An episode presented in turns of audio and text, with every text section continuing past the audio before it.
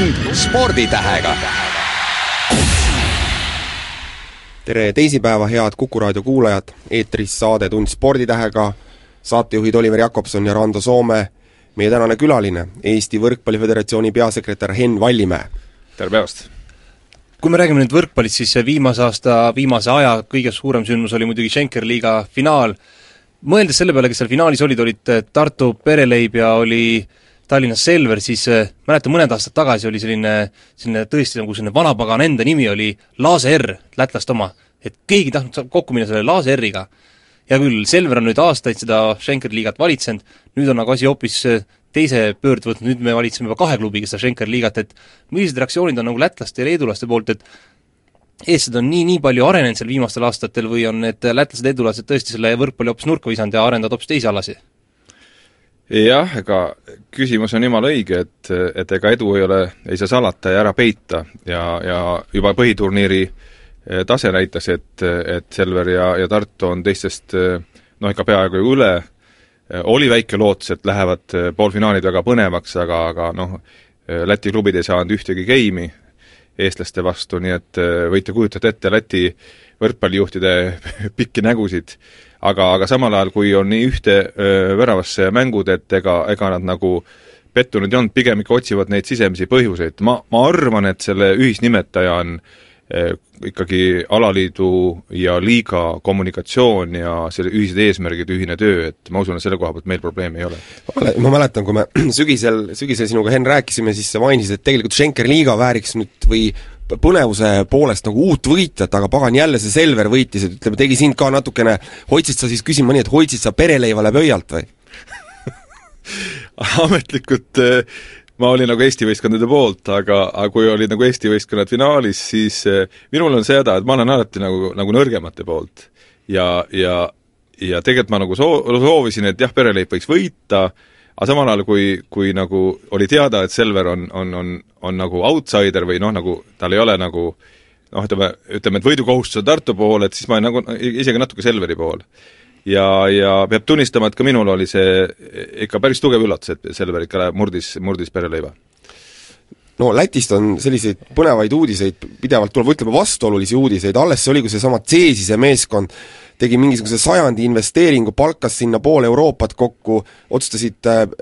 legionäridega murda play-off'i, neil vist ei õnnestunud see ja, ja, ja samas jällegi seesama Riia Laase vist viiskümmend protsenti tõmmati palkasid kokku, ütle, et kui, mis see Läti võistkondade nõrkus, on see nende rahaprobleemidele taandatav või lihtsalt me oleme neist mäekõrguselt üle? ei no iga tulemus on ikkagi alati teatud protsesside tagajärg ja, ja ma küll julgen öelda, et nagu noh, ütleme alaliidu tegevjuhina, et, et Läti alaliidu filosoofia on ikka noh, erinevalt nagu meie alaliidu filosoofiast. kui meie korjame siis sponsorite abiga teatud hunniku raha ja loome liigasse lisaväärtust, et klubid saavad tasuta televisiooniülekanded, liiga poolt makstakse kinni kohtunikud, siis toetatakse veel nagu, nagu väiksema eelarvega klubisid ja nii edasi, siis Lätis on vastupidi, nii-öelda liidetakse kõik nii-öelda liigakulud kokku, siis jagatakse tehe kuuega ja, ja saadetakse klubile arve. et võite, võite ise ette kujutada, kui tänulikud klubid on alaliidu nii-öelda arve saamise päeval. et, et no minu arust sellest filosoofiast hakkab nagu kõik minema.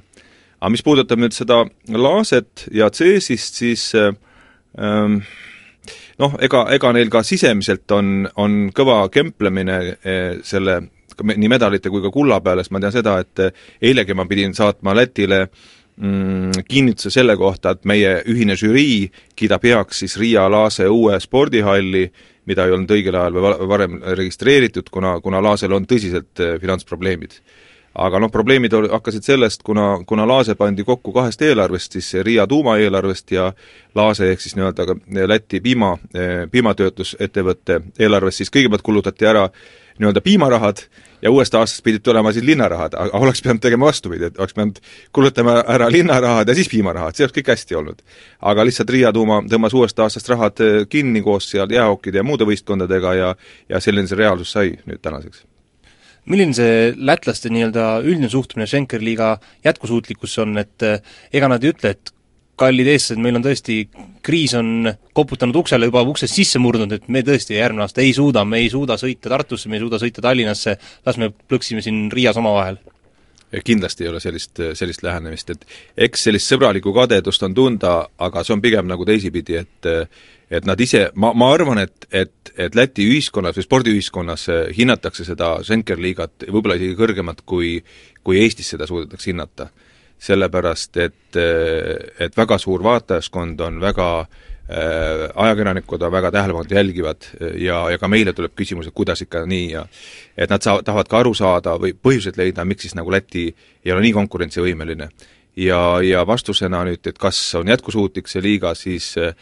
ma arvan, me oleme ikka nüüd neli aastat on lõppenud, kaks aastat oli see Eesti-Läti ühisliiga ja kaks aastat on olnud siis nagu nii-öelda Balti Balti liiga, Schenker liiga nime all, et, et ma usun, et see on selline väärtus, millest kumbki ei taha loobuda. sest tervikuna on see noh, ta on unikaalne, et siit võib ära kukkuda siit või sealtpoolt mõni võistkond, aga liiga tervikuna hoiab mõlema riigi tippvõrkpalli üleval kui sa ütlesid ennem, et Eestis on see juhtimine üht, ühes äärmuses, Lätis hoopis teises äärmuses, siis milline on see Schenkeri liiga juhtimine, et kas see on selline kuldne kesktee või on see kummale poole kallutatud? Eesti diktatuur. jah jah, mõnes mõttes on see Eesti diktatuur, sellepärast et et meil on kokku lepitud, et nii-öelda see juhtiv alaliit on Eesti, selle koha pealt on kokku lepitud juba, teeb kõik dokumendid, haldus, kommunikatsioon tuleb Eesti poole pealt, samamoodi näiteks meie hoiame statistika registreerimist, haldamist, meie hoiame ka Schenker liiga ei noh, nii-öelda kodulehe nii-öelda põhi, põhimooduleid, et selles mõttes küll. Aga, aga juhtimise seisukohast meil on kaheksaliikmeline žürii, et neli liiget on siis Lätist, neli Eestist, kaks Leedust, sinna kuulub siis peasekretär, üks siis Euroopa tehniline delegaat, liiga klubide esindaja ja, ja siis mõlema poole liiga nii-öelda mänedžer. Aga no ütleme, oleme ausad, et ikkagi kaks tegevjuhti omavahel lepivad nii-öelda žürii otsusest kokku ja ja me oleme teinud need otsused konsensuse alusel, et et üks teema siin oli näiteks, kui, kui tähelepanelik võrkpallivaataja pani tähele, siis sel aastal me ei korraldanud äh, Schenkeliga teist finaali. siis kohtadele viis kuni kaheksa ja seal läks hääletamiseks, et kas siis kõik klubid sellega nõus või mitte ja ma tean, just seesama C siis ütles, et ei, nemad kindlasti tahaks mängida, aga õnneks noh, nad jäid kaheksa hulgast välja. aga arveid saadate või ei saada? Me arveldame eh, oma ala, tähendab, meil on kokkulepe, et me saadame oma eh,, oma nii-öelda alaliidu sees arveldame. kui me teeme ühise finaalturniiri, siis me liidame kõik nii-öelda kulud kokku ja jagame pooleks ja vaatame, kes siis kellele võlgu jäi. nii et just see töö on mul kaks päeva tagasi on Läti poole arve saadetud. kuulge, loodetavasti saadate ikka eurodes neid arveid, lattides on väga kahtlane praegu saata huvitav, et arvestasime lattides ja, ja kroonides, aga arve saatsime tõesti eurodes, nii et nii, nii see täpselt oli. kuulge, jätame need lätlased sinna Koiva jõe taha, räägime meie Eesti klubidest, et tegelikult noh, lätlastelt on ärevaid signaale, natukene on ka Eesti võrkpalliklubidest, ütleme konkreetselt Pärnust näiteks tulnud, tulnud signaale, et on raskusi rahade kokkusaamisega, kuidas on Eesti klubide tervis? olen mitu korda läbi mõelnud ja enda jaoks niimoodi pilti või visiooni püüdnud ette kujutada, ma arvan, et Eesti klubide tugevus täna on selles, et ikkagi kõik on äh, püramiidi kombel üles ehitatud, tähendab, et äh, kui on rasked ajad, saab vähendada legionäride arvu, saab vähendada äh, kallite mängijate arvu ja võtta omast nii-öelda klubist või spordikoolist mängijaid juurde. Ja see on meie tugevus. ja, ja, ja teine tugevus on see, et meil on ikkagi välja kujunenud regioonid, regionaalsed keskused. Rakverel on kindel publik, toetajaskond, Võrul, Pärnul ja, ja selles mõttes Tartul, et, et nagu see, see nii-öelda kohalik mm, spordi, võrkpalli sootsium nagu ei kujuta ette, et see võistkond ei mängi liigas. võib-olla raskem on Tallinnaga, sest Tallinn on suur ja, ja näiteks kõrgkoolivõistkondadel on natuke teine spetsiifika, näiteks Tehnikaülikoolil. ja mina nüüd Äh, mütsi küll mul peas ei ole, aga Oliver, sinu mütsi nimel, et ma võtaks küll mütsi maha Tehnikaülikooli äh, juhtide ees, kes tegid minu meelest väga hea otsuse, et nad tulid läbi Tehnikaülikooli äh, meeste meistriliigasse, kuigi nagu neil nagu sellist nii-öelda kuidas öelda, nagu noorte või, või spordikooli ei ole, aga, aga minu arust nagu, nagu sellise meheliku kõrgkooli, ülikooli juures sellised mehelikud alasid, igal juhul annab see, see kõrgkooli imidžile annab juurde ja, ja mis on veel Tehnikaülikooli plussiks, et nad on ka kahe võistkonnaga Eesti liigas. nii et äh, ma arvan, et meil on head otsused ja, ja ütleme nii, et jätkusuutlikkuse koha pealt ma ei näe probleeme. aga ütleme, kui tihti sul praegu telefon heliseb ja tõesti on kõne kusagilt Pärnusse, öeldakse, et Enn, et ei ole, ei ole seda raha enam, et me, me Pohlak andis jalgpallis, et anna võrkpallis ka natuke toetust Eh, no lausa sellisel kujul kõnesid ei ole, eh, pigem on kõned Lätist, et, et tõdeme, et et noh, mitu võistkonda siis võiks järgmine aasta eh, startida, no Läti räägib eh, kolmest kuni neljast, noh kui on väga must stsenaarium, eh, no siin ma näengi selle, selle, selle sünergia, sünergia nagu võtit, et et sõltumata, kui palju võistkondi näiteks võiks ära kukkuda, siis see liiga tervikuna, liiga väärtus ja, ja tema nagu, nagu nii-öelda toime jääb. Ja, ja minu meelest nagu tippvõrkpalli jaoks nii Eestis kui Lätis on see, see ainult hea. et Äh, ma arvan, ka Pärnu leiab oma niši, sellepärast et äh, uus spordihall on tulekul, spordiklubis töötavad väga tublid treenerid, tase on äh, täiesti nii-öelda Eesti esirinnas, nii et ma usun, seal on ka võib-olla filosoofia küsimus, et kuidas edasi minna, kui on raha näiteks vähem kui eelmine aasta. sa nüüd määrisid siin korralikult mett moka peale TTÜ-le me teame seda, et eh, Heino Lill, kes seda TTÜ spordikompleksi seal haldabki, seda kogu seda rahavooge seal jagab, on ju tegelikult öelnud, et TTÜ-l on ju lausa kolm meistriliiga klubi, neil on meistriliiga korvpalliklubi, neil on saalihokiklubi ja on ka võrkpalliklubi. Ja kui nüüd rahad peaksid otsa saama, siis korvpalliklubiga nad kindlasti jätkavad, saalihokivõistkond on siin poolamatöörid, ehk tegelikult amatöörid, nemad ei võta raha, siis suure tõenäosusega visatakse kõrvale võrkpalliklubi, et kas sa nüüd proovid kuidagi läbi la-, raadioeetri saata signaali, et mehed, palun ärge seda TTÜ võrkpalliklubi küll. Välja heitke. ma saan aru, et Oliver, Oliver ei ole muidugi ükskõikne kogu spordi suhtes, aga, aga muidugi korvpalliga on sul eriline suhe, ma jälle, ma läheksin teisipidi minema, et, et kui on ikka rasked ajad, siis tuleks kõige raskem nii-öelda kuluartikkel nagu seda kärpida et ma, ma küll ütlen Need on Eino Lille sõnad, need ei ole minu sõnad. ei no muidugi, aga küll Eino Lillelgi on, on nõuandjad ja eks rahastajad, rahastajad ütlevad oma, tähendab, ma ütlen veel kord, müts maha Tehnikaülikooli ees, et ta, et ta selliseid võistkondi peab, mis ongi ühele suurele eh, suurele ülikoolile, kuidas öelda, peaks olema jõudumööda ja, ja ka missiooni mööda aga nüüd spekuleerida, milline võistkond üle parda visatakse, ma ei tahaks spekuleerida, aga, aga ma jälle tuleks teisipidi, et et äh, näiteks väikse rahaga saab hoida kaks võistkonda üleval selle asemel, et näiteks jätta siis korvpall ja, ja kaks tükki üle parda visata. aga ma usun, seda ei juhtu, sellepärast et äh, mm, väga palju loeb ikkagi äh, millest me võib-olla vähem oleme rääkinud, et tegelikult see oma korraliku spordibaasi või spordihalli omamine on ka ühe nii-öelda klubi, mm, klubi tegevuse üks selliseid võtme- või alustalasid. teine on siis see nii-öelda see püramiidikujuline noortetöö või noortevõistkonnad, aga kindlasti oma spordisaal ja selles mõttes on Tehnikaülikool väga heas seisus, nii et ma usun, kõigi kolme võistkonna jaoks jätkub neid saali. no aga millised on sellised eeldused järgmiseks aastaks, kas kõik needsamad klubid, kes see aasta mängivad Eesti meistrivõistlustel, jätkavad ka järgmine aasta või tõesti on, on võimalik, et tuleb loobumisi, tuleb kärpimisi, võib-olla tuleb kokkuliitmised, paneme kahest võistkonnast ühe kokku mm.? Tähendab, väga populaarne on öelda, et ma ei ole, eks ole, hiromant ega, ega selgeltnägija, aga kui nüüd noh, isiklikku arvamust avaldada, siis äh,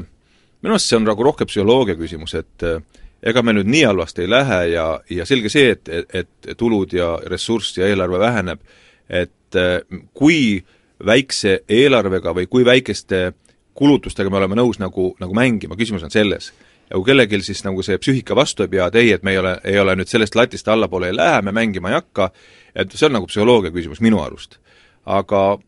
mul nagu sisetunne ütleb, et need asjad ei ole nii hullud, et me jätkame kuue võistkonnaga tunned sa, tunnetad sa seda, et tegelikult nagu sa ütlesid, et asjad ei ole üldse nii hullud, kui nad võib-olla välja paistavad või juba, kui, kui suureks neid puhutakse, et lihtsalt on maad võtnud selline paanika nii meedias võib-olla ka spordiringkondades mm.? alusetu paanika? kui me räägime nüüd spordi rahastamist ja sporti tulevatest rahadest, siis ega need ei saa olla hullemad, kui on Eesti majandusel ja ühiskonnal tervikuna. ja, ja nagu siin autoriteedid on öelnud, ega me ju ei tea, kuhu me veel kukume aga, aga samas öeldakse ka seda, et kui siin noh, ütleme töötute töötute arvu ja protsendi järgi minna, et kui isegi töötute arv on siin kakskümmend, nagu oli Soomes lama ajal, siis meil on sinnani veel kõvasti minna ja ka, ega Soomes lama ajal tehti ka, eh, tehti, elati ja tehti tööd ja investeeriti muuseas väga palju spordiehitistesse. et kindlasti on sellistel rasketel aegadel eh, vaja teha õigeid investeeringuid. nagu täna öeldi, et siin õpi ära mõni keel või või, või, või mine, mine, mine, mine eh, noh, tõesti mõni oskus õpi ära, et mis nüüd sporti üle kanduna või, või spordialaliitu, et tegelikult me võib-olla ei peaks minema võistlema, ma ei tea, Austraaliasse või, või kuhugile kaugemale, aga võiksime teha selle asemel näiteks mingisugune kodulehe süsteemi arenduse või selliseid nii-öelda asju, mida, mida nagu saab väiksemate ressurssidega teha, aga mis on väga vajalikud. nii et minu arust nagu asi taandub ikka psühholoogiale ja selge on see, et, et, et summa summarum raha ei ole nii palju kui eelmine aasta, et seda on ka meil alaliidus ma ei saa siinkohal jätta küsimata, et, et seesama Leedukat, Leedu klubi on siin kaks aastat järjest olnud selline väike vennakene seal kusagil rivi lõpus, statist, ma ei tea, hea, kui paari hooaja peale paar võitu saab, et mis nendest leedulastest saavad, üritavad nad ikka selle, nende kahe suure Läti-Eestiga võrkpallis äh, nii-öelda mõõtu võtta või lihtsalt tõstavad käed üles, ütlevad sorry, meil on korvpallivabariik, meil ei ole sinna võrkpalli üldse asja? no ma ei ole nüüd Leedu tippjuhtidega nüüd mitmed aastad kokku puutunud spordialalt, aga, aga noh, Leedul on fenomen ikka selles, mida mu väga hea sõber Koordinaitis kunagi, see spordiminister ütles mulle äh, Sydney olümpial, et äh, kui õnnitlesin teda, teda äh, naisjahi laskuri kulla puhul, siis ta vaatas mulle sihuke imelik näoga, ütleb, et Enn, see ei ole mitte midagi. kui me korvpallis äh, medalit ei saa, siis me oleme surnud et siis, siis äh, nii-öelda selle järgi annaks hinnang. ehk siis teiste sõnadega mm, Leedu elab ja hingab ainult korvpallile, millel on omad plussid, aga aga samal, kui korvpall ei lähe hästi, siis võite ette kujutada, milline üldine meelsus on. ja, ja nüüd, nüüd Leedu võrkpalli asendid siis Leedu spordis on, on, see on nagu kahetine, mulle ühest, ühelt poolt tundub, et seal on ikkagi ongi selline nii-öelda roll võetud, oh, me oleme väiksed, me oleme vaesed, me midagi ei suuda, ja, ja teisest küljest on jälle see, et kui keegi neid tahab toetada, siis öeldakse, et ma annan sulle selle, ma ei tea, paarkümmend tuhat litti, aga ära sa jumala eest mu reklaami välja kuhugi pane, muidu korvpallurid tulevad, võtavad ära. et on ka selline sündroom. et äh, kuskil seal vahepeal see, see võrkpall hõljub, samal ajal näiteks me oleme saanud väga mitmeid valusaid kaotusi äh, Leedu noortevõistkondade käest, et noorte spordikoolide töö äh, võrkpallialal on täiesti arvestatav ja täiesti konkurentsivõimeline ja Nõukogude Liidu ajal oli ju Vilniuse Kuro aparatuura oli ju väga kõva tegija ka Nõukogude Liidu kõrgliigas, eks ju, see tähendab seda, et neil on ju mingi kultuur ka võrkpallis olemas. muidugi on ja, ja kui vaadata nüüd seda tänast äh, Flamingo Volli, olgu siis teadmiseks kuulajatele, et ega Flamingo ei ole mingi sponsor, see on lihtsalt äh, klubi äh, klubi vanemtreeneri nii-öelda helesinine unistus ja ta pani klubile nime Flamingo, et see tekitab siis sponsoritel küsimuse, et mis see nimi maksab siis, et kui me vahetame kellegi teise vastu. et seal taha üht, taga ühtegi litti ei ole, et tegelikult nad mängivad oma noortevõistkonnaga. ja tegelikult nad soovisidki tulla sellega nagu järgmisest aastast välja, nii et ma arvan, et Leedul on võimalik minna ainult paremaks. ja me hoiame Leedu, Leedu sellist formaati ka sellepärast, et äh, esiteks on sponsoritel kohustuslik väljund, eks ole, või teatud turunduses kohustuslik väljund eh, Leedus. Ja samal ajal ähm, ütleme nii, et äh, ega ka meie ei olnud äh, Lätile väga arvestatavad vastased, et kui me võitsime kaks tuhat kolm esimest korda äh, rahvusmeeskonnaga Lätit, siis me ei olnud enne seda kolmkümmend üks aastat Lätist jagu saanud, et, et, et ega see Leedugi noh, talle peab andma võimaluse me alustasime saadet tõdemusega, et Schenker liiga finaal oli eestlaste mängumaa, Tallinna Selver, pereleib, noh, kahetine või selline vastuoluline olukord, et eks ju samas Selver on positsioneerinud, et nad tahavad Euroopasse minna, samas tulevad signaalid, et kõikjalt tõmmatakse nagu otsi kokku, rahaotsi kokku, kaks mängijat, Ardo Kreek, Kristjan Õuekallas on Euroopasse mängima läinud, mis nendest meie suurtest, ütleme, nendest kahest vaalast saab edaspidi? no mures Eks... oled nende pärast, ei ole? ei ole, sellepärast et äh, meil on, äh, meil on juba võrkpallis nii, kuidas ma tahan öelda, nii hästi või äh, kõik on ikka seda meelt, et, et need suured võistkonnad peavad olema või, või tugevad. ja see töö, mis Tartu teeb nii-öelda oma noh, tänase pereleiva toel ja selle ümber on fenomenaalne, sest seal on võib-olla mingi kolmkümmend, nelikümmend toetajat, seal on oma selline äh, fännklubi, kes igaüks midagi paneb ja ja selline, selline väga sümpaatne selline klubiline tegevus. ja, ja Tallinnas võib-olla noh, läbi selle suure sponsori Selveri on ka väga palju tugevaid firmasid eh, klubi toetamas. aga, aga alati tuleb näha, et ega, ega ei müüa eh,, ei müüda nagu tur-, kaupa, vaid ikkagi inim-, inimsuhted on seal kõik sees. ja need inimesed, kes tahavad panustada võrkpallile, armastavad võrkpalli ja ja tahavad ka nii-öelda noh, kas siis Tartu-Tallinnale või Tallinn-Tartule ära panna, et ega see rivaliteet heas mõttes kuhugi ei kao, et ma, ma olen selles mõttes päris rahulik. no me oleme siin Oliveriga mõlemad tõdenud, et korvpallis mängitakse eurosarjasid, käsipallis oli ikkagi neli klubi mängib eurosarja, siis võrkpallis eks ju, koondis on väga hästi esinenud, aga ainult Tallinna Selver on võtnud julguse eurosarjades mängida, pereleib, ma ei tea, vist korra oma ajaloo vältel on teinud seda, et, et on see nagu sinu arvates okei okay?? Ma arvan, et see ei ole okei okay., sellepärast et eh, proovis ka Silvester korra, eh, kui me vaatame nüüd, eh, õhkame Soome poole, mõtleme, et noh, et peaks nagu Soome võitma, et kunagi oleme võitnud, nii edasi, aga ma arv-, arvan, et meie suurim mahajäämus, kui me võr-, võrdleme ennast nagu nagu tipuga või, või sellise nii-öelda keskkonnaga, kes peaks tootma koondise jaoks häid mängijad, siis siis just see, et Eesti klubid ei osale eurosarjades, et sealt nagu hoitakse kokku see, see mõnisada tuhat, noh, võib-olla ka miljon või, või mis, mis see parasjagu läheb, siis ma arvan, et see võib pikas jooksus, võib see isegi äh, meile kätte maksta. et Selveres äh, müts maha, et ta on seda teinud ja jätkuvalt teeb, sest meil on, meil on kohti äh, kuni neli võime isegi välja panna võistkondi, see ei ole tak-, tähendab, kohad ei ole takistuseks. ja ütleme nii, et kui isegi välja minna, mängida seal üks või kaks ringi, siis see ei ole nii müstiliselt kallis lõbu, mida ei võiks teha. et ma siinkohal küll tõstaksin näpu hoiatavalt pereleiva poole, et kui seada ainult siseriiklikke või Schenkeliga eesmärke, siis tegelikult nagu eh, mängijate motivatsiooni seisukohalt eh, euro, euro, eurosarjades ei osaleta, et pikas jooksus ma usun, see maksab meile kätte ja klubidele sama, samuti on sul siseinfot Selveri kohta, et on neil plaan, ütleme, tugevdada järgmiseks aastaks, võib-olla noh, ütleme, väike võib-olla tagasilöök, vähemalt tundub, paberil on nüüd olnud, eks ju, kaks mängijat ära läinud, samas Nõmsalu tagasi tulnud, et, et kas nende ambitsioonikad plaanid jätkuvad või võtavad nad niisugust natuke madalamat profiili?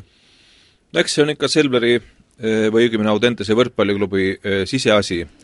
aga teades nende nii-öelda häälestatust, orienteeritust ikkagi tipule ja, ja kõrgetele eesmärkidele, et niikaua, kui on seal Aavo Keel äh,, Aavo Keel ja tänane klubi juhtkond, siis ma arvan, et häälestatakse ikkagi kõige kõrgemale. ja, ja teada ka seda, et, et kui Selveriga on sõlmitud järgmine kolmeaastane leping, siis ma ei näe põhjust, miks see hääleta-, häälestatus peaks muutuma iseasi, kui näiteks pakutakse avo keelele kusagil mm, väga head, ma ei tea, on see Venemaa või on see kuskil mõni, mõni teine riik head treeneri kohta, et mis siis saab ja nii edasi. Aga, aga ma arvan, et selles suunas ikkagi, ega siin väga palju variante ei ole, et kas, kas nii-öelda mängida keskmiselt või, või, või, või minna, minna äh, nagu, nagu kõrgete eesmärkidega. ma, ma usun, Selver valib selle kõrge eesmärkide tee tund sporditähega. jätkame saadet Tund sporditähega, küsijateks Oliver Jakobson ja Rando Soome ning meie stuudiokülaline Henn Vallimäe, Eesti Võrkpalli Föderatsiooni peasekretär enne kui me läheme sellise võib-olla kõige sütitavama teema juurde, Eesti meestekoondis, teeme väikse sellise kõrvalpõike ka naiste ja kaunite naiste maailma, et kohe-kohe on algamas ka ju Eesti Salestar liiga finaal, kus on siis vastamisi GMP Olympic ja Viljandi Metall, et äh, tuleb vist selline väga-väga põnev ja tuline finaal? no üle mitmete aastate on väga hea vastasseis, sellepärast et et on suutnud Viljandi naiskond üllatada, üllatada nii-öelda meie liider, senist liidervõistkonda GMP Olümpikut, kui ka vastupidi, Tartu Ülikooli, Tartu Ülikooli Edeni naised olid väga lähedal nii-öelda šokile, ehk siis Viljandit nii-öelda poolfinaalist välja lülitamas. et selles mõttes olen ma küll väga rahul, et on selliseid nii-öelda mm, ootamatusi, mis tegelikult nagu võrkpallile kõige tähtsam ongi no naiste võrkpallis kindlasti need suured-suured rahasummad ei, ei liigu, et seal mängitakse võib-olla väga-väga palju sellisest oma fanatanismist, et mis selle Viljandi fenomen on, et ta tavaliselt Viljandi on olnud selline mitte alati esirinnas, võib-olla seal esimeste taga, tagatiksujad, aga nüüd on nii võimsalt tulnud esile ja löövad võib-olla platsiga puhtaks? no minu arust Viljandit, seda peaks eraldi käsitlema kohe ja, ja no kas nüüd just raamatut kirjutada, aga minu arust see töö, mida Viljandis tehakse, on ikkagi ääretult sümpaatne, et Merle Keerutaja äh, Eh, ka tema tütar Margit Keerutaja on võrkpallitreener Tartus, et need mängijad, kes sealt tulevad juba aastaid, on nii, et sellest võib eraldi Eesti koondise kokku panna. ja, ja nüüd tegelikult ju realiseeriti nii-öelda väike unistus, et korjati üles oma nii-öelda edukad õpilased, kes õppisid siin Tallinna eh,, Tallinnas ja töötasid Tallinnas, et tegelikult tehti nii-öelda Tallinnas olevate viljandlannade divisjonist ja siis Viljandis baseeruvate nii-öelda noortemängude, noorte eh, noortest äh, äh, moodustatud mängijate nagu ühine võistkond. ja üks, üks nii-öelda äh, valge luik või kuidas nimetatakse, või pardipoeg seal on, Kristiina Aap, kes on ka, tunnistati möödunud hooajal ju liiga parimaks mängijaks, on Viljandist, nii et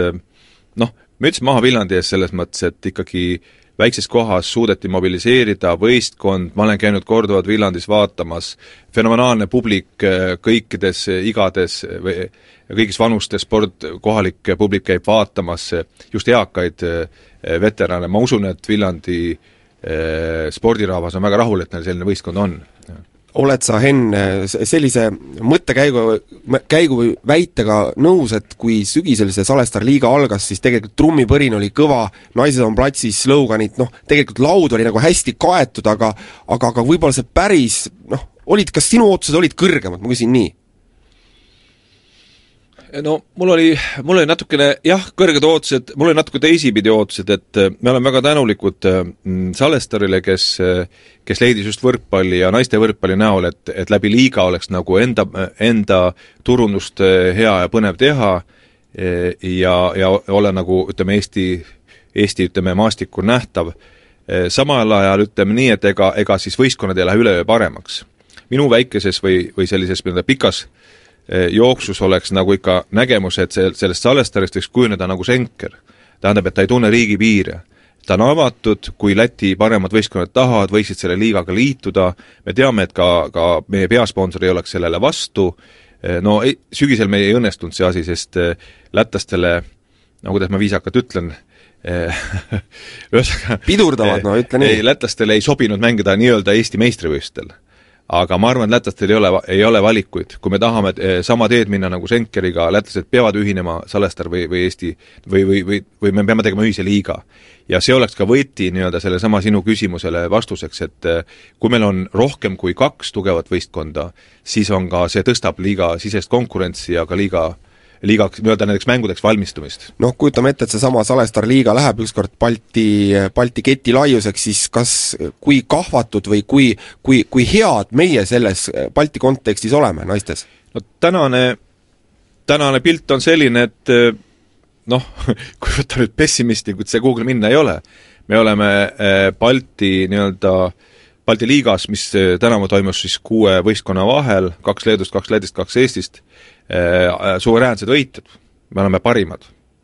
mis tegelikult näitab seda, et ega siin Balti turul naiskondade võrkpalli äh, tase ei ole parem kui Eestis. Ja nüüd järgmine samm olekski, et ütleme, et tugevdada liigat, ikkagi teha ühine liiga, sama teema, mis on meestele, tuleb käia Euroopa karikavõistlustel, noh, see on rahakoti teema, ja, ja, ja siis on võimalik loota, et, et ei treenita mitte kolm korda nädalas, vaid treenitakse, ma ei tea, viis või seitse või isegi mitu korda päevas et äh, ikkagi, ikkagi see treeningtöö kvaliteet klubides on see, mis äh, mis on vastus sellele küsimusele? meil aeg surub peale, sellepärast lähme selle kõige magusama teema juurde, võib-olla Eesti koondis, meestekoondis, äh, kes sügisel läheb mängima Türgis peetavale EM-finaalturniirile, alagrupis Holland, Soome, Venemaa, Henn, kas me peaksime mures olema, igasuguseid selliseid ärevaid noote on tulnud, et raha ei ole, mehed on välismaal, fänn peaks valitooli võtma õhtuti või? Tead, mina kui peasekretär ütlen, et, et sõidukoha pealt ärge muretsege, et fännidele on on sõidupiletid reserveeritud, hotellid on reserveeritud, võistkondadele on sõidupiletid nii Istanbuli kui ka, kui ka siis MM-i teise ringi turniirile maikuus Hollandisse reserveeritud, et, et sõiduga probleemi ei ole. Ehm, kui nüüd rääkida ettevalmistusest ja nagu siin ma tsiteerin siin äh, ühes äh, ümarlauas oli siin äh, Sõudeliidu president härra Kilgi äh, mõistet nagu ainevahetuse tagamiseks, siis see on teine teema. aga minu arust see ainevahetuse tagamine on ka, ütleme siin Eesti tööjõuturul ja, ja ka mujal noh, tavalises elus on ka võib-olla peateema. et sellega võib tekkida probleeme. aga, aga võistlema minekuga loomulikult probleemi ei ole. kas kõik need nii-öelda eel- laagrid on juba paika pandud, Aavo keelega on teil välja mõeldud, et kuhu te poisse saate saata, kuhu, kuhu, ma ei tea, massaaži, kuhu päikse alla, et nad oleksid seal Türgis pinks-ponks kõik vormis? jah, noh see on nüüd, kui nüüd lühidalt vastata, siis ei ole. aga, aga õigustust nii palju, et ega neid nii vara täpselt ei tehta, sest ikkagi kõige tähtsam võrkpalli äh, aga spordis ikkagi on võistlus ja me teame oma nii-öelda tippvõistluse kuupäevi, me teame oma vastaseid ja sealt siis tuleb tegelikult nagu tagurpidi programm. et äh, mitu nädalat või päeva varem me peame tegema mingi tugeva kontrollmängu ja kuna me peame tegema mingi tugeva, ma ei tea, mingisuguse sõprus- või, või sellised äh, turniiri, et me teame, mida me tahame. ja, ja see lavastamine praegu käib aga, aga eks, eks ilmselt siis, kui see lavastus hakkab jõudma sellisesse kriitilisse punkti, et kõik on nagu ära lavastatud, kogu tegevus, et siis peaproovini? jah, kuni peaproovini et, et kas ja kui palju meil siis nagu reaalset katet on, no vot see töö praegu käib ja ehk siis nii-öelda kiire vastus on see, et see ei ole lõpuni lavastatud hetkeseisuga. no aga kas sa oled pidanud Aavole saatma mõne sõnumi, et äh, Aavo, et võta, võta rahulikult, et äh, ära nüüd väga-väga suuri plaane tee, et lepi oma Audente salliga, et see, on see, mida me praegu saame pakkuda sulle. no me oleme suhteliselt heas kommunikatsioonis, et, et me sõnumitega ei suhtle, Aavo on ka väga äh, kauaaegne ja kui üks põhiline Eesti võrkpalli vedaja ja Eesti Võrkpalliliidu juhatuse liige, et seda peab küll tunnistama, et Eesti Võrkpalliliidu juhatus on mitu pingelist koosolekut maha pidanud just selle nii-öelda parima ettevalmistuse teemal, et me oleme kõik kursis olukorraga ja otsime praegu parimaid, no ühesõnaga diplomaatiliselt öeldes me otsime parimaid lahendusi. tund sporditähega jätkame võrkpallijuttu. Henn, jätkates sinu sellest viimasest vastusest, sa ütlesid, et teil on neid ümarlauda, tuliseid vaidlusi olnud seal eh, nii-öelda oma alaliidu sees, et kas on ka selliseid meelsusi, ma püüan, natuke seal mustas pesus sonkida, kes ütlevad, et kuulge, et tõmbame tagasi, et ei ole vaja mingeid eri, eritasusid, ei ole vaja mingeid erirahasid, et niikuinii lähevad sinna, saavad oma need kolm mängu tappa ära ja tulevad pealondist tagasi? no niimoodi ei tohi ja, ja ei saagi arutada, aga sest võrkpall on selles mõttes, ma olen alati naernud, et võrkpall on selles mõttes rumal mäng, et äh, see ei ole nagu kümnevõistlus, ma ise olen kümnevõistluse taustaga, et äh, et mõlemad teevad kaheksa tuhat või kaheksa tuhat viissada, kõik on õnnelikud ja kes siin esimene, teine on, see pole probleem. võrkpallis keegi pole, keegi peab alati kaotama. ja kui me vaatame nüüd neid äh, riike, kelle vastu me läheme siin MM-il, Türgi, Holland, Läti, tuleb jõuda kahe parema hulka, Euroopa finaalis Venemaa, vabandage, tuletage meelde Venemaa liigat, Holland üheksakümmend kuus olümpiavõitja, äh, Soome EM-i neljas, et noh, äh, see ei tähenda seda, et me läheme kaotama, me läheme seda, et minu, mina olen öelnud, et, et iga game, game'i võit on pidupäev, aga loomulikult me so-, loodame äh, enamat ja, ja, ja me ei, me ei saa ja me ei tohigi teistmoodi mõelda. Henn, sa tõid siin sellesama paralleeli kümnevõistlusega, ütle siis kümnevõistlejana, mitut punkti sa nii-öelda ootad Eesti võrkpallimeeskonnalt kümnevõistluse keeles sealt Türgist? üle üheksa tuhande ikka ei no hetkel on maailmarekord eh, üheksa tuhat eh, kopikatega, seda on teinud kaks meest, ma arvan, et see latt on eh, tasemel Brasiilia ja Venemaa täna, võib-olla ka Itaalia mõned riigid. et ütleme,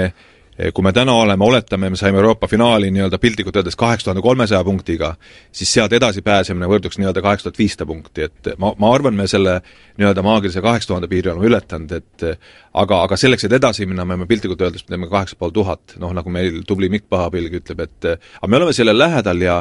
ja, ja ja seda ei saa mõlemad korraga, me ei saa Eesti-Soome mängus mõlemad saada nii-öelda piltlikult öeldes kaheksa tuhat viissada, keegi peab võitma et äh, ma arvan, et mehed on täna täpselt sellises küpses eas, neil on piisavalt äh, ambitsioonikust, tahet äh, selleks, et iseennast ja ka võib-olla Eesti üldsust üllatada. enne me rääkisime siin ümarlauast, diplomaatiast, tagatubades, lobi, lobitööst, Aavo Keel, Eesti Koondise peatreener, viskas diplomaatia nurka siin mõne, mõni aeg tagasi, kuukene tagasi, ütles otse välja, et riiklikult sektorilt on tuge antud Tallinna Kalev Cramole, aga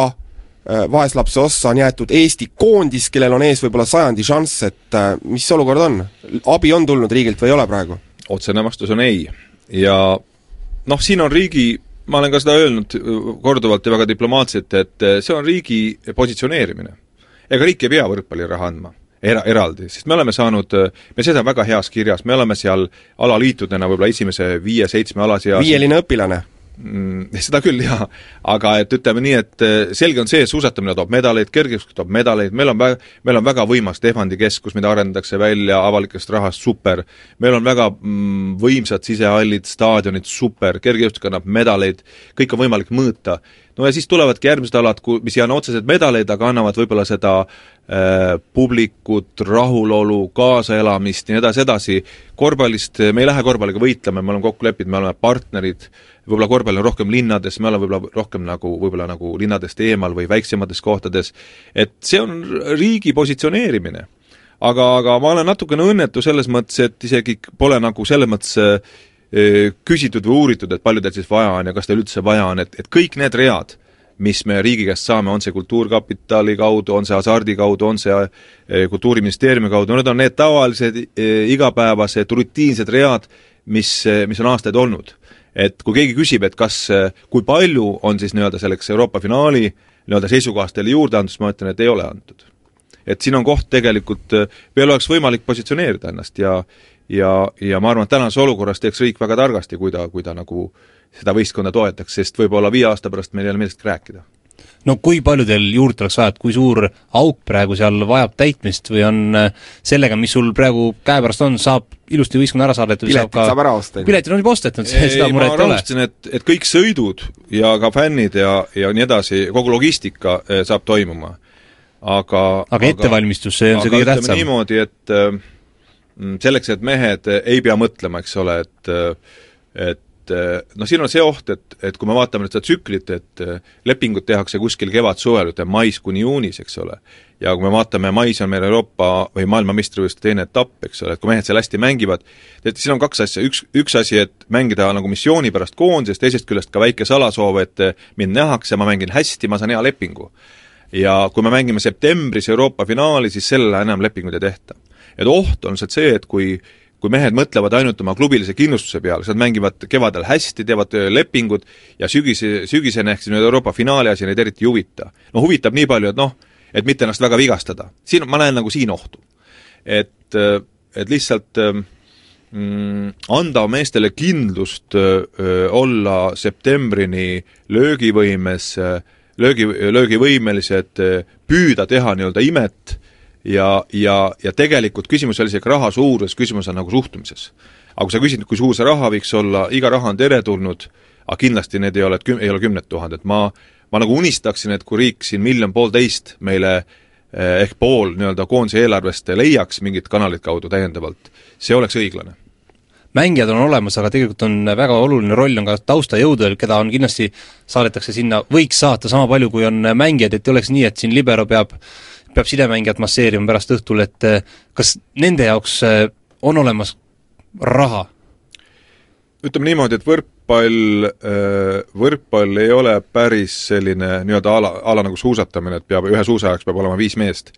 et võrkpall on pigem nagu selline tervik, kus võib-olla siin paar tublit massööri, füsioterapeuti, väga tubli statistik, kes aitab mängu juhtida, võib-olla veel mõned faktorid, toitlustamine, arst, ütleme, et et need taustajõud no, ei ole kümnetes. ja muidugi, ja meil selle, selle hooaja üks prioriteetidest ongi, et nagu taustajõudude kvaliteeti üritada parandada. et aga, aga need ei ole kümned inimesed. et täna on need meil, need kõik need nii-öelda, need asjad plaanis ma isegi ei tee nalja, aga ma küsin, et äh, kas ka oled seda varianti kaalunud, et ütleme nii, piltlikult öeldes see EM-finaalturniir liisingusse võtta, pöörduda panga poole, võtta mingi suur summa lihtsalt lootuses, et meil läheb hästi ja siis helpida võib-olla kümme aastat laenuorjuses seda suppi? on see välistatud? ei ole välistatud, seda teed on läinud, näiteks kunagi läks Rootsi kergejõustik, et tegid Euroopa sisemeistrivõistlused, oli pankrot, praktiliselt tõmmati kogu nii-öelda kergejõustiku elule kriips peale ja, ja üllatus-üllatus, nii-öelda need tugevad isegi sellest nii-öelda Rootsi lamast murdsid läbi ja Rootsi sai enneolematu hulga medaleid. et, et seda saavad teha võib-olla natuke rikkama äh,, rikkamad riigid ja, ja organisatsioonid. eks me oleme isegi laenu võtnud, me käisime kaks korda Euroopa äh, liigat mängimas ja eks korra tuli ka laenu võtta siin suurusjärgus miljon ja peale et eh, see oleks nüüd, noh, see oleks viimane tee, ütleme nii, aga, aga ütleme, et nii, et täna hetke minu kõhutunne ütleb, et see oleks väga tark tegu. aga ütleme, sa mainisid mängijaid, mis on võt-, võtmesõnad võib-olla, mis sa arvad, kas mängijad oleks nii-öelda talgu, talgu põhimõtetel valmis selle ettevalmistustsükli läbi viima või iga mees tuleb, Jaanus Nõmsalu tuleb, ütleb sulle, et Henn Vallimäe, show me the money? ma arvan, et me sen-, senini oleme teinud eh, küll sellist eh, väga head ja mõistlikku äh, koostööd ja ma julgen öelda, et mängijad, kes mängivad koondises, tegelikult on mänginud kusagil kolmekümne, maksimum viiekümne protsendiga äh, sellest sissetulekust, mida nad saavad klubides. et, et seni, seni nii on mängijad teinud ikka nii poolenisti missiooni pärast koondise, koondises äh, ka, kaasa löönud. noh, trump on see, et nad saavad ennast näidata, nad saavad häid lepinguid aga, aga nüüd prognoosida, me ei oska hetkel veel kirjeldada seda lõplikku olukorda, millega me mängijatele jutule läheme. nii et ma väga täpselt ei oska vastata, aga ma arvan, et me oleme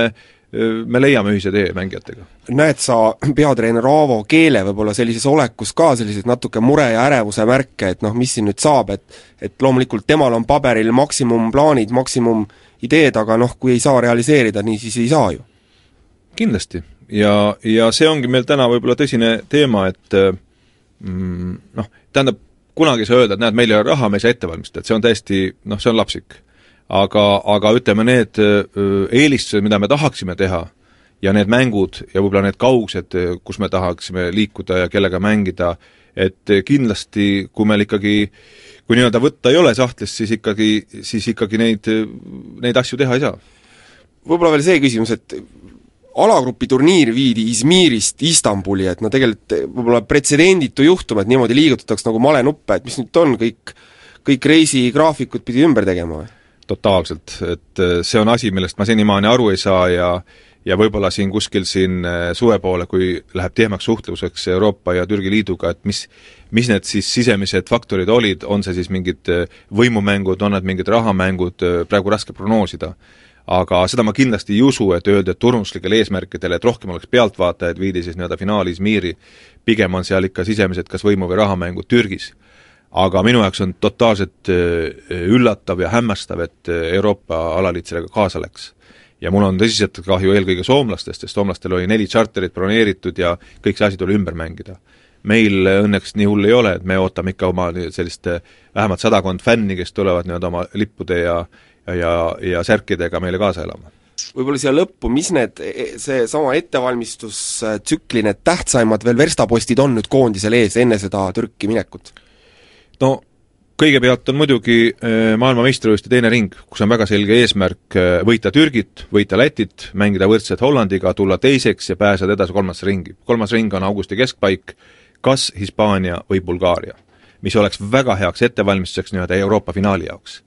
Sest äh, need nii-öelda suured turniirid alati nii-öelda on kohalsõiduvaev ainult, et rahaliselt oleks see kõige, kõige kasulikum. enne maid nii-öelda Euroopa teis-, maailmameistrivõistluste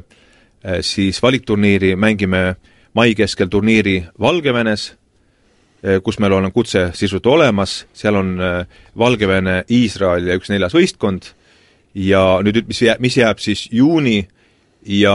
poole augusti vahele Kasahhi küsimärgiga, võib-olla jälle Valgevene, võib-olla midagi veel, hetkel lahtine